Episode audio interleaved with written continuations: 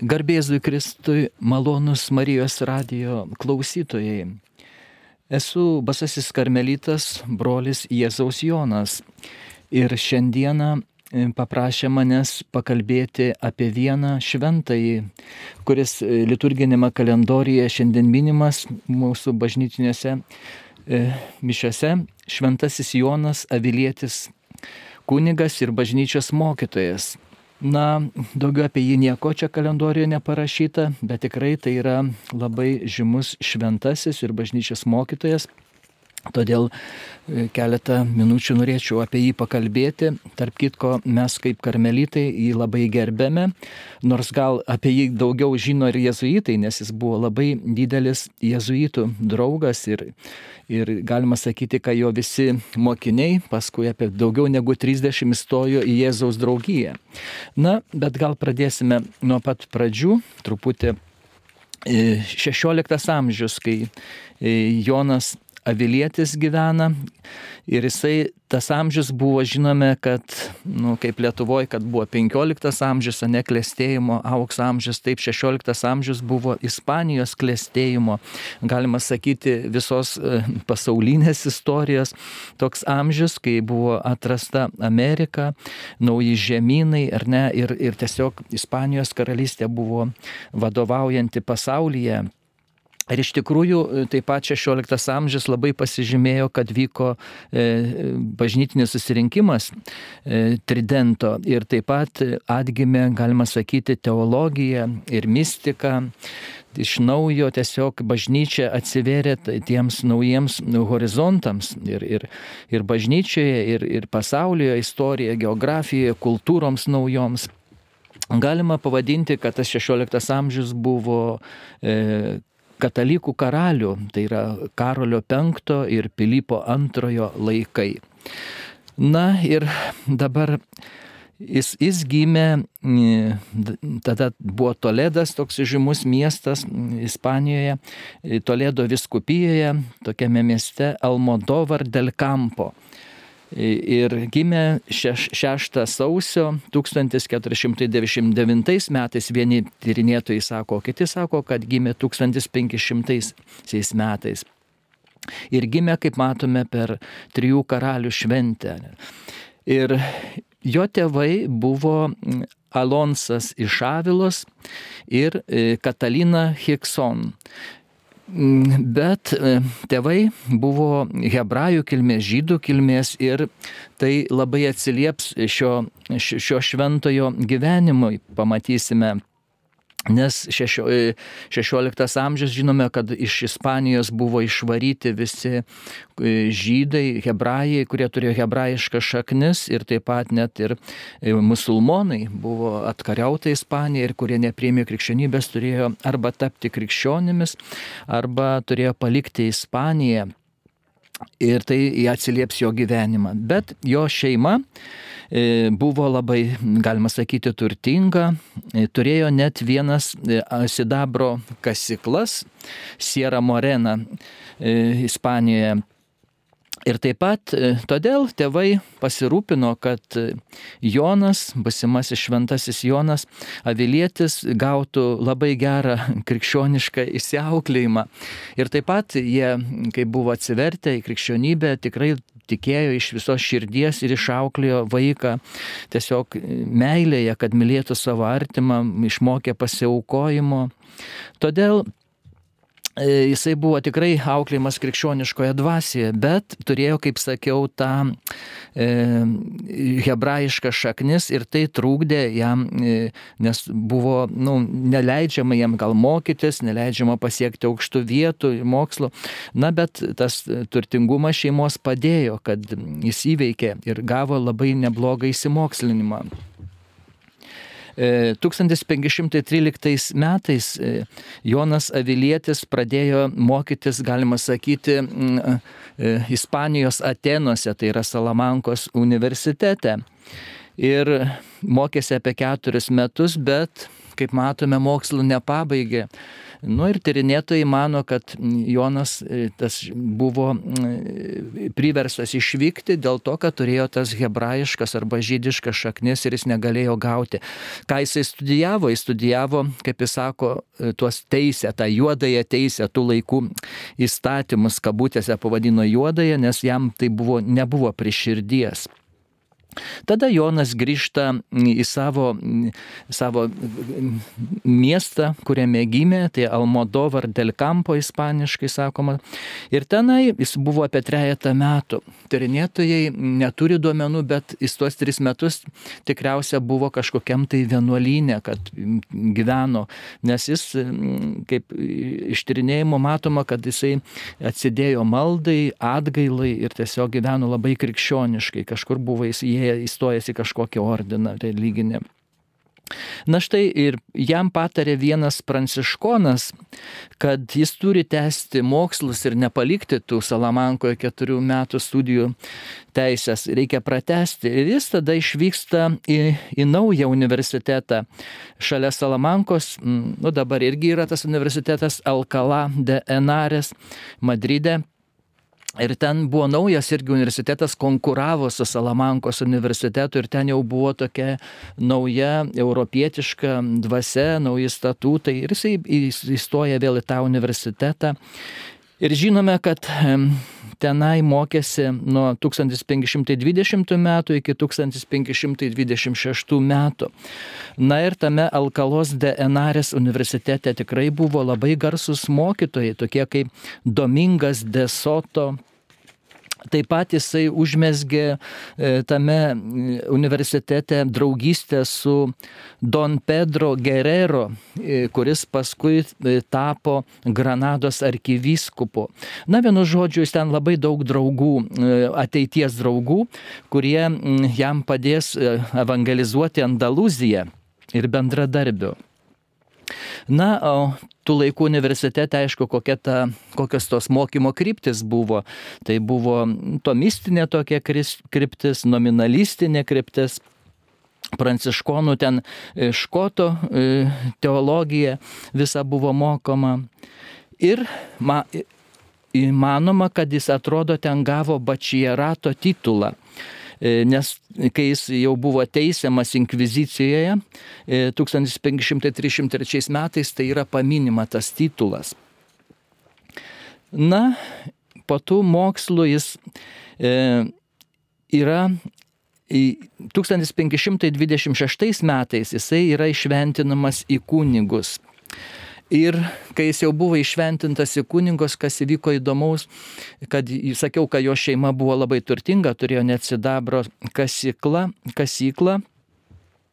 Jis e, pirmose mišiose suvadino visus vargšus, kurie buvo ten jo miestelėje ir jie valgė e, tiesiog po šventų mišių, jie valgė kartu su juo prie stalo. Ir jis visiems vargšams savo apylinkių išdalino savo visą turtą. Ir tada 1527 e, metais jis e, pasisiūlė vykti į misijas, kaip minėjau, e, Ispanija, kaip karalystė atrado Ameriką ir, ir dabartinėje Meksikoje buvo paskirtas vienas vyskupas. Don Julian Garces ir jisai pasisiūlė tam vyskupui vykti į Meksiką. Na, Tais laikais nebuvo galima kaip dabar, kad sėdai lėktuvą ir nuskridai į Meksiką, tai jis turėjo laukti mm, Sevilijoje. Sevilija buvo tų laikų, galima sakyti, Andaluzijos visa sostinė ir iš jos visi laivai vykdavo į Ameriką. Jis turėjo laukti ten to vykimo, kada jį pakviestas vyskupas Bet jisai negaišo laiko, nes tikrai jo širdis buvo tiesiog pilna e, Evangelijos žinios, jis norėjo skelbti naujieną, jis išėjo tiesiog į, į gatvę, skel, skelbė Evangeliją, skelbė Dievo meilę ypač vargšams, e, lankė kalinius kalėjimuose. Na, vienu žodžiu, tas jo evangelinis e, gyvenimas taip pat e, jam atnešė, kad jis paveikė daug žmonių, kurie tapo jo draugais, kurie atsivertė. Jisai susidraugavo taip pat su vienu labai šventu tokiu kunigu Fernando de Contreras. Ir, ir tas kunigas jau su juo studijavo tame, kaip sakiau, universitete, kur buvo Elkala Edenaris Madrido dabar universitetas. Bet vieną kartą per vieną pamokslą, kurį išgirdo ir Sevilijos e, vyskupas Don Alonso Manrike, jisai tiesiog negalėjo, jis pamatė, kad tas Jonas yra labai geras pamokslininkas ir kad tikrai jo žodis tiesiog atverčia žmonių širdis ir jisai liepė, įsakė jam nebeišvykti, e, nebeišvykti į tą Meksiką, bet likti tiesiog Andalūzijoje. Na, pačioj pradžioj jo tokios apaštalavimo veiklos kaip kunigo atsitiko irgi tokių įdomių dalykų. Žinome, kad 16 amžius taip pat yra bažnyčios skilimas į, į dvi, į protestantišką šaką, evangelinę šaką, kurie atsiskyrė dėl Maltino Liuterio reformos. Ir buvo visokių judėjimų, visokių sektų, visokių nukrypimų, erezijų. E, buvo tokie vadinami alumbrados, kurie labai iškeldavo šventosios dvasios reikšmę ten nukrypimai. Na, O šventasis, busimasis šventasis Jonas Vilietis, jis labai kalbėdavo, jo pagrindinės temos būdavo apie Mariją, apie tikėjimą, apie šventąją dvasę. Ir kartais e, jis kaip keliaudavo, pamokslaudavo, tiesiog žmonės nesuprasdavo, nes tų teologinių tiesų nebuvo taip, kaip dabar, kad visi beveik teologiškai daug ką žino. Tiesiog žmonės nesuprasdavo ir todėl Ypač iš pavydo, kad daug žmonių atsiversdavo, jį įskundė kai kurie asmenys, kuriuos jis gerai žinojo, kas tai padarė. Tiesiog inkvizicija susidomėjo ir jį uždarė net į kalėjimą. Ir tame kalėjime jis tiesiog, tai buvo tiesiog 1532 e, metais, galima sakyti, kad jis daugiau negu metus buvo kalėjime uždarytas. Bet kas įdomu, kad jis visiškai, nu, nekovojo, jį labai pradėjo ginti, nes buvo daug atsivertusių žmonių ir kunigų ir viskupų, kurie pažinėjo, jį gynė tiesiog, bet jisai pats nesigynė. Ir kai jam pasakė inkvizicijos ten tam teisme, sako, dabar tu, sako, esi tik tai Dievo rankose. Tai jis taip jis sako, o, nėra geresnių rankų kaip tik Dievo rankose. Bet kas įdomu, aš kaip karmelitas turiu pastebėti, kad Jonas, kai buvo kalėjime, tai panašiai atsitinka, kaip ir kryžiaus Jonas buvo uždarytas į Toledo kalėjimą. Ir tame kalėjime, kaip ir kryžiaus Jonas gavo malonę iš Dievo, taip pat ir Jonas Avilietis, jis parašė, tiesiog sudarė jau planą pačio žymiausio savo kūrinio, tai yra Audifilija, klausyk dukra, kuri bus, galima sakyti, jo pagrindinis darbas, kuris tiesiog apibendrina visą jo literatūrinę veiklą, visą evangelizacinę veiklą. Tai va, ir jis gavo daug malonių per tuos metus.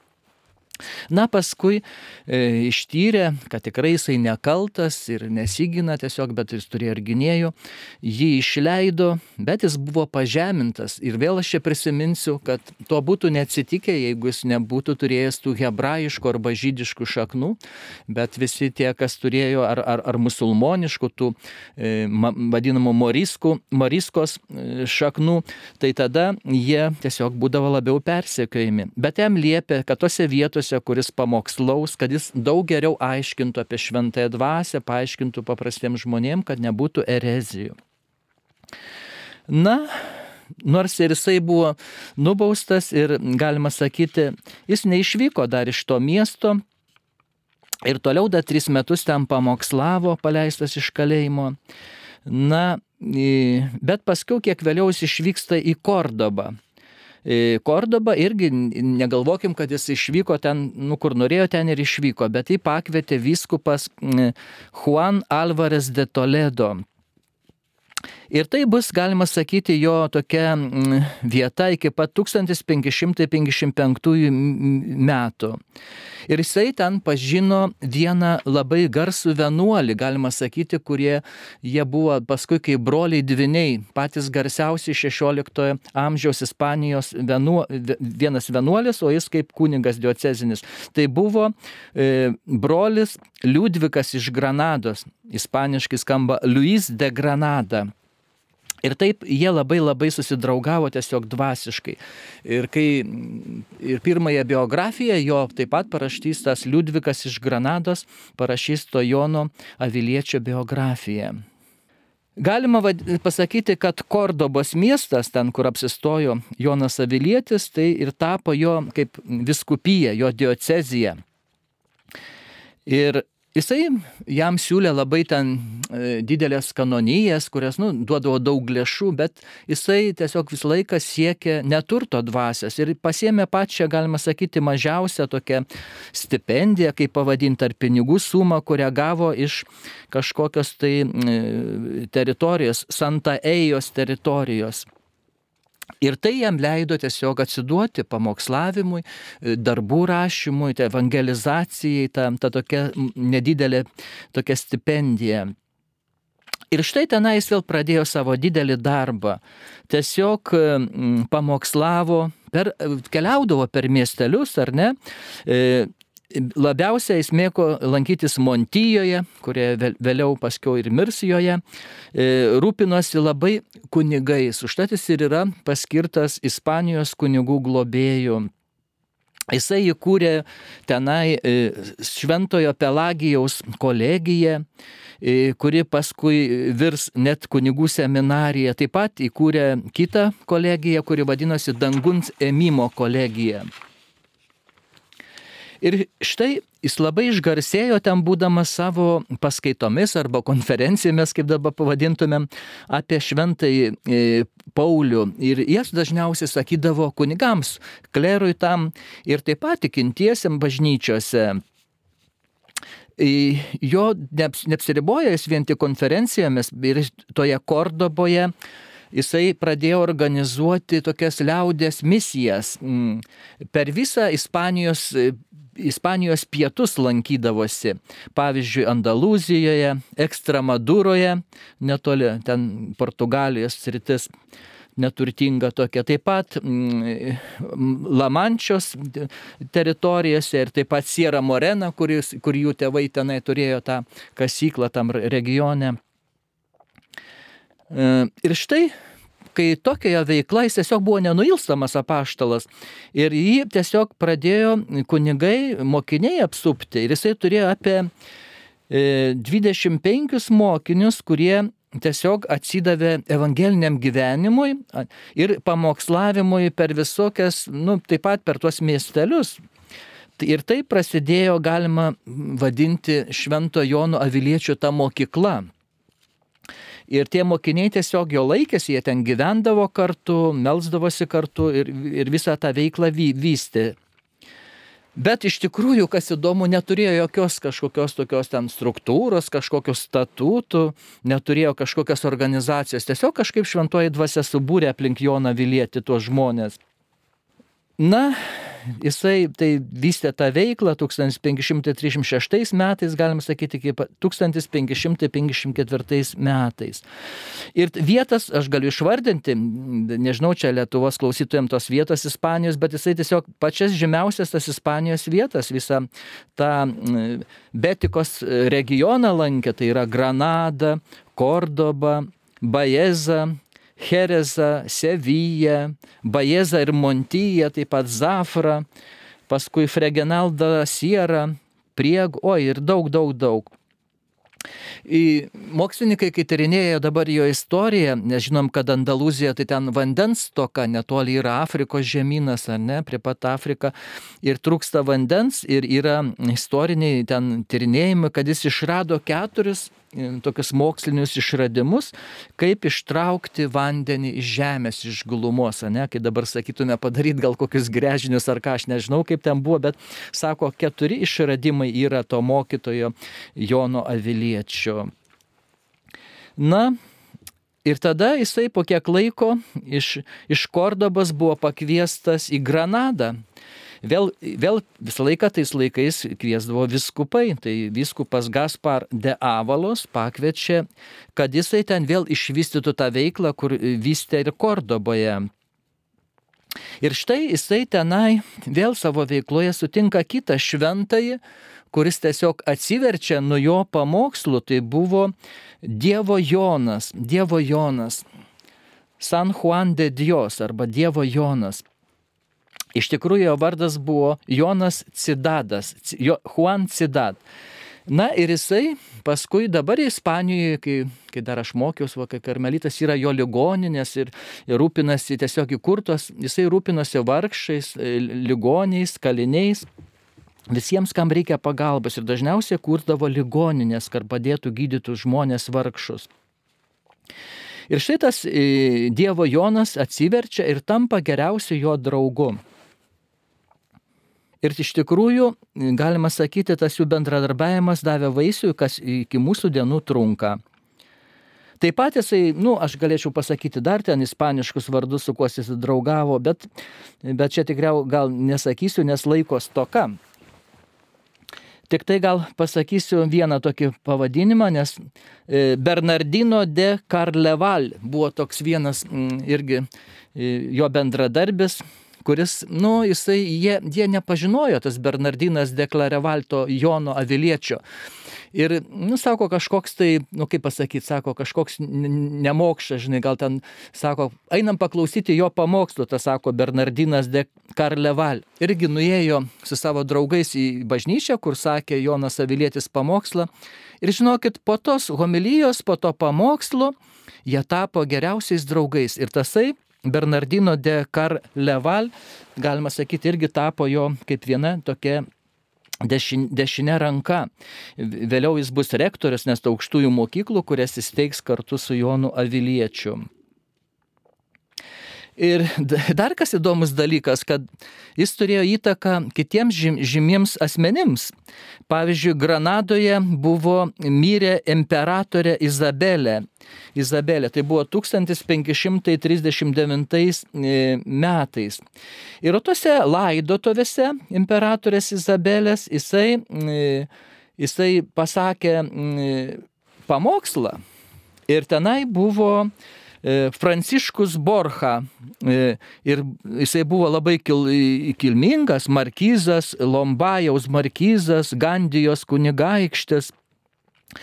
Ir štai jis po to pamokslo tiesiog jisai irgi Pranciškus de Borcha e, atsiverčia, galima sakyti, labiau eina prie Dievo ir taps irgi Pranciškus de Borcha taps labai Jono Aviliečio draugu.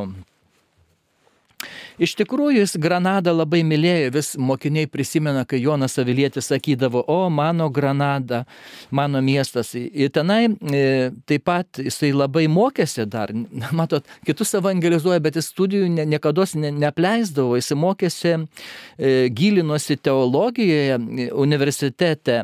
Ir, ir manoma, kad tenai jam buvo suteiktas mokytojo vardas. Ir kai mes minime, sako, dažniausiai sako, Jonas Avilietis, mokytojas tą, tą, tą mokytojo titulą jis gavo Granados universitete. Taip, tai vienu žodžiu, nepasakiau, kad kai buvo Sevilijoje, jis irgi mokėsi teologiją, buvo Granadoje, mokėsi, jis niekada neapleisdavo, kartu evangelizuoja, bet taip pat ir gilinasi į, į Dievo žodį, į, į Evangeliją ir mokosi teologiją. Ir štai jam tiesiog viskupai tiesiog įkviesdavo sakyti e, pamokslus, tas konferencijas, na nu, aišku, tais laikais nevadindavosi konferencijas, vadindavosi kitaip, tiesiog mokymus. Ir štai jis Granadoje pradeda rašyti pirmuosius savo laiškus, kurių yra tikrai nemažas kiekis išlikęs. Mm. Ir štai tas jo toks misionieriškas gyvenimas, pamokslavimas, ar ne, lieka gilius pėtsakus, lieka tuose regionuose. Bet pagalvokim, galvosim, ką jis tik pamokslavo. Ne, jisai ilgas valandas praleisdavo klausykloje, klausydamas iš pažinčių. Jisai lankė ligonius ar ne ir net mokindavo vaikus katekizmo. Įsivaizduokit, kiek veiklų. Ar tai įmanoma turkiam žmogui ne atlaikyti tokias veiklas. Štai ji net, kai jo gars, pradėjo jis garsėti, ji pradėdavo kunigaikščiai ten grafienės kviesti, kas gyventų kokiuose rūmuose. Kas jo buvo brožas, tai neturtas. Jis apsigyvendavo paprastuose nameliuose, kažkur neidavo pas didikus į rūmus, nors buvo labai jų gerbiamas ir jie visur jį kviesdavo. Bet štai kas įdomaus yra, jisai įkūrė labai labai daug mokslo įstaigų ir tai viskas vyko XVI amžiuje. Kokias dabar? Tais laikais būdavo daug tokių įstaigų, kurios dar, nu, vadindavosi lik aukštosios įstaigos nebuvo, tai jų daug, e, daug reformavo. Tai dabar aš pavardinsiu, ką įsikūrė įsikūrė tris kolegijas aukštesnėses, tai vadinasi universitetus. Įsivaizduokit, Jonas Avilietis įkūrė tris universitetus. Tai yra Baezoje, Hereze ir Kordoboje. Įkūrė 11 mažesniųjų mokyklų, nu, nu kaip pasakytumėm dabar, nu, ne aukštasis, bet gal kaip kolegijas, kai technikumai kažkokie, aš nežinau, e, tos kolegijos mažesnės. Tai yra Baezoje vėl, Ubedoje, Bease, nu nevardinsiu, čia turiu, bet vienu žodžiu įkūrė 11 žemesniųjų tų kolegijų. Taip pat įkūrė trys įmokymo įstaigas specialiai kunigams, klierikams, tai yra Granadoje, Kordoboje ir net Portugalijoje, Evoroje. Aišku, jam padėjo visi tie mokiniai, kurie buvo apie jį susibūrę.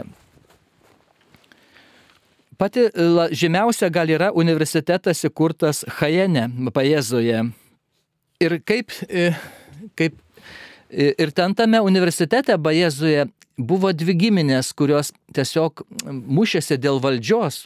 Krikščionis, o ne katalikai, bet žinom, kad ten karai vyko, visi ispanai karšto kraujo ir būdavo net žmogžudystės, kai grupos susipriešindavo, kovodavo. Ir štai jis atvažiavęs į tą universitetą Bajezos, ar ne, jisai, jis tiesiog pasako susitaikinimo pamokslą. Ir vienu to pamokslo tos didikų giminės susitaiko, ateina taika į Bajezą ir toliau jis dirba tame universitete ir tiesiog e, net Įsikūrėmas yra 1538 metais ir popiežius Paulius II pavadino Joną Avilietį kaip, e, kaip tiesiog patroną, kaip globėją to universiteto. universiteto. Bet jisai pasiekė tą universiteto lygį tik 1542 metais. Na gerai, dabar gal pakalbėkime apie jo raštus ir, ir kokias temas jis lietė, kaip gal ką jis paliko. Toks aktyvus evangelizacinis apaštalinis darbas Joną privertė jaustis jau ligoniu ir štai jis jau pradeda jausti lygos požymis 1551 metais. Na, nors jis jaučia, bet dar tris metus sirgdamas dar visą tai daro, tiesiog pasiaukodamas viską daro, bet galų gale lyga jau jį palaužė, kai jis nebegali tiek keliauti ir tai nėra blogis, sako. Aš atvirai pasakysiu, kad jis visą gyvenimą nebuvo visiškai sveikas, visą laiką turėdavo tų lygų, bet aš kalbu čia be jau stipresnės Bet tai jam netrūkė evangelizuoti. Tada jisai nutarė apsigyventi tokiame miestelėje, vadinasi Montyje, ir kuriame dar 15 metų iki mirties, o mirė jis 1569 metais. Jisai ten 15 metų, galima sakyti, vis užsiemė savo tą literatūrinę veiklą, rašydavo laiškus, rašydavo pamokslus, visus savo kūrinius, kur iki šiol parašė, jis ten peržiūrėdavo ir juos pataisydavo. Ir nors ten jis tam gyveno, kaip minėjau, tam Montyje miestelėje, jam nors buvo pasiūlyti rūmai karališki, jis pasirinko paprastą e, namelį e, ramybės gatvėje Montyjoje. Na va, ir ten visas jo likusis gyvenimas praėjo maldoje, e, tiesiog studijose ir galima sakyti atgail, atgailos gyvenimą vedė. Taip, Taip pat žinome, kad buvo jezuitai, buvo jo labai draugai, aš jau kaip minėjau, apie 30 gal daugiau e, mokinių įstojo į jezuitus, į Ignaco Lojolo įkurtą Jėzaus draugiją. Ir jis ten Montijoje, nors ir jis ligonis, jisai pamokslaudavo, formuodavo jezuitų, tos klerikus, novicijus tos jezuitų. Ir tiesiog, ir nors ir sirgdamas ir vėl jis toliau e, atlikdavo, at, eidavo iš pažinčių klausyti, vadovaudavo visokioms kilmingoms ponioms. E, tarp kitko, jo tas žymiausias kūrinys Audifilija yra skirtas vienai kilmingai poniai, kai ta kilminga ponė perskaitė tą, tą jo veikalą Klausyk dukra, jin paliko tą tuštybių pilną aristokratišką gyvenimą ir, ir tapo kaip vienuolė, kaip pasišventusią Dievui. Ir galima sakyti, kad tas e, jo kūrinys Audifilija, kuris yra gal kaip panašiai kaip Teresės Avilietės ta vidinė pilis yra traktatas apie mm, krikščionio tobulumą, ar ne? Tai taip Jono Aviliečio audifilija irgi yra parodytas kelias, kaip, kaip reikia eiti į tą krikščionišką tobulumą. Ir iš tikrųjų jo gyvenimas, kaip buvo dvasiškai, ką koncentruotas, e, jo kunigo gyvenimas, Jono Aviliečio, visada buvo koncentruotas į Eucharistiją.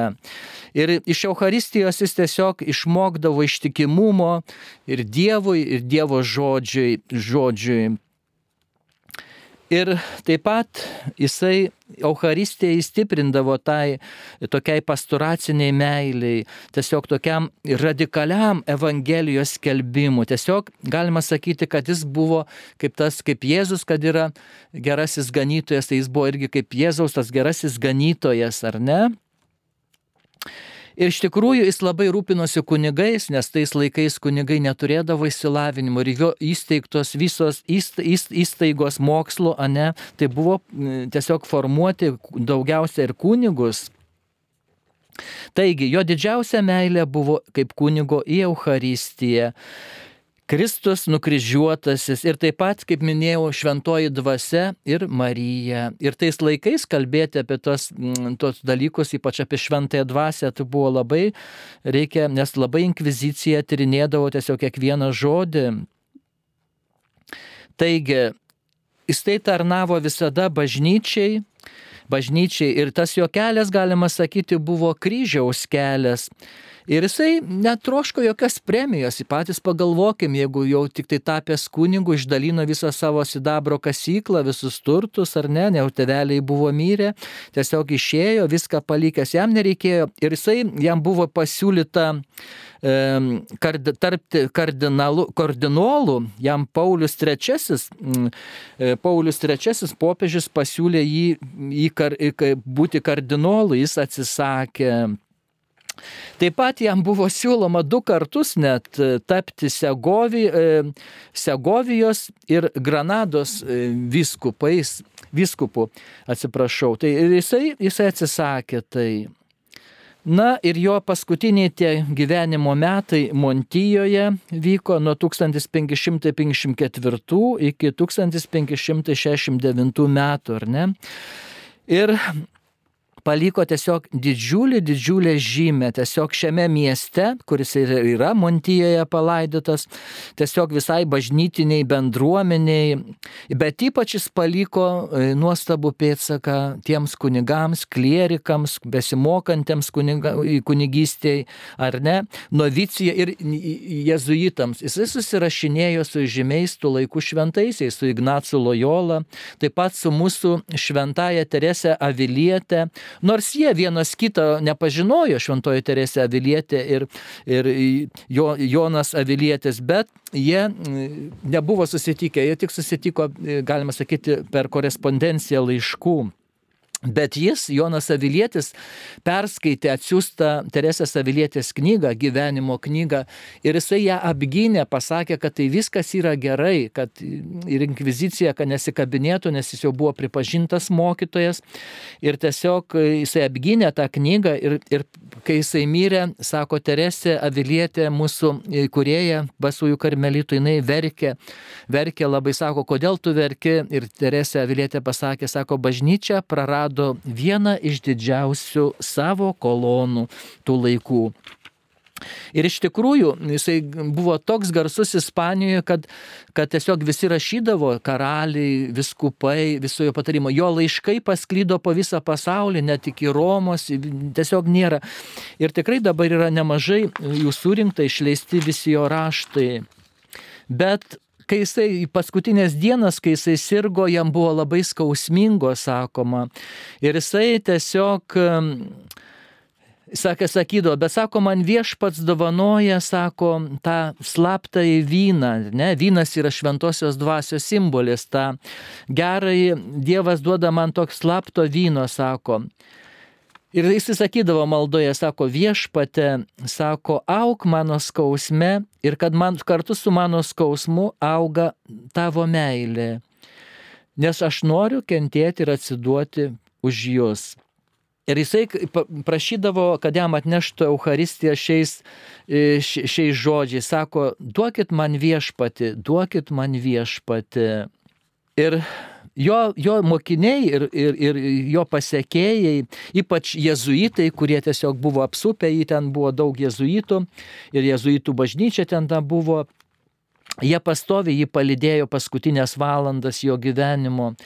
Ir jisai e, tiesiog meldėsi ypač tą maldą prieš mirtį, atsimink mergelę Mariją, kad amžiais nėra girdėta, žinote šitą žymėją maldą, ne? Ir aišku, su kitas, ten tardavo Jėzaus, Marijos, Juozapo vardą.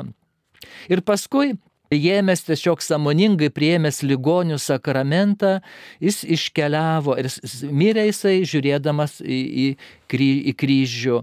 Ir kaip tik šiandien yra gegužės 10 diena ir va dabar yra rytas, ne 8 val. mes pradėjome kalbėti, jis mirė kaip tik rytą 10 gegužės 1569 metais tie metai man asocijuojasi ir su Lietuvos istorija, ne čia tai buvo Liublino unija, ne kaip didžioji kunigaikštystė sudarė su Lenkija unija, ar ne.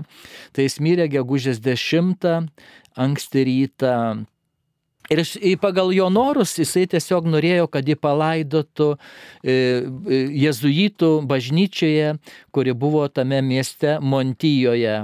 Ir ant jo kapo tiesiog užrašė tokį, galima sakyti, jo charizmą e, buvau sėjėjas, buvau sėjėjas, jisai sėjo Dievo žodį, bet ne tai, kad tik tai sėjo Dievo žodį, bet visų savo gyvenimu, visų savo pavyzdžių buvo sėjėjas. Taigi, sakiau, kad mūsų šventoji Teresė tiesiog, e, kai sužinojo apie mirtį, verkė. Na, jo draugas, kur sakiau, jie buvo kai dviniai, kitas žymus vienuolis, brolis Liudvikas iš Granato, Granados parašė pirmą jo biografiją 1588 metais. Na ir 1623 metais prasidėjo jo palaiminimo procesas ir e, bet galima, galima sakyti, kad, kad tai labai užtruko. Įsivaizduokit, jis gyveno 16 amžiui, o jį palaimino tik tai XIX amžiui. Popiežius Leonas XIII paskelbė palaimintuoju 4 balandžio 1824 metais popiežius Leonas XIII paskelbė palaimintuoju. Na, o tai čia skaitasi XIX amžiui, o daugiau dar reikėjo laukti vieną amžių, tada jis paskelbtas šventuoju. Tai jis paskelbtas šventuoju 1 birželio 1970 metais popiežiaus Pauliaus VI. Na, bet tai dar ne viskas. Ir jisai yra paskirtas globėjų, globėjų visų e, Ispanijos e, kunigų, viso klero, nes jis labiausia rūpinosi kunigais.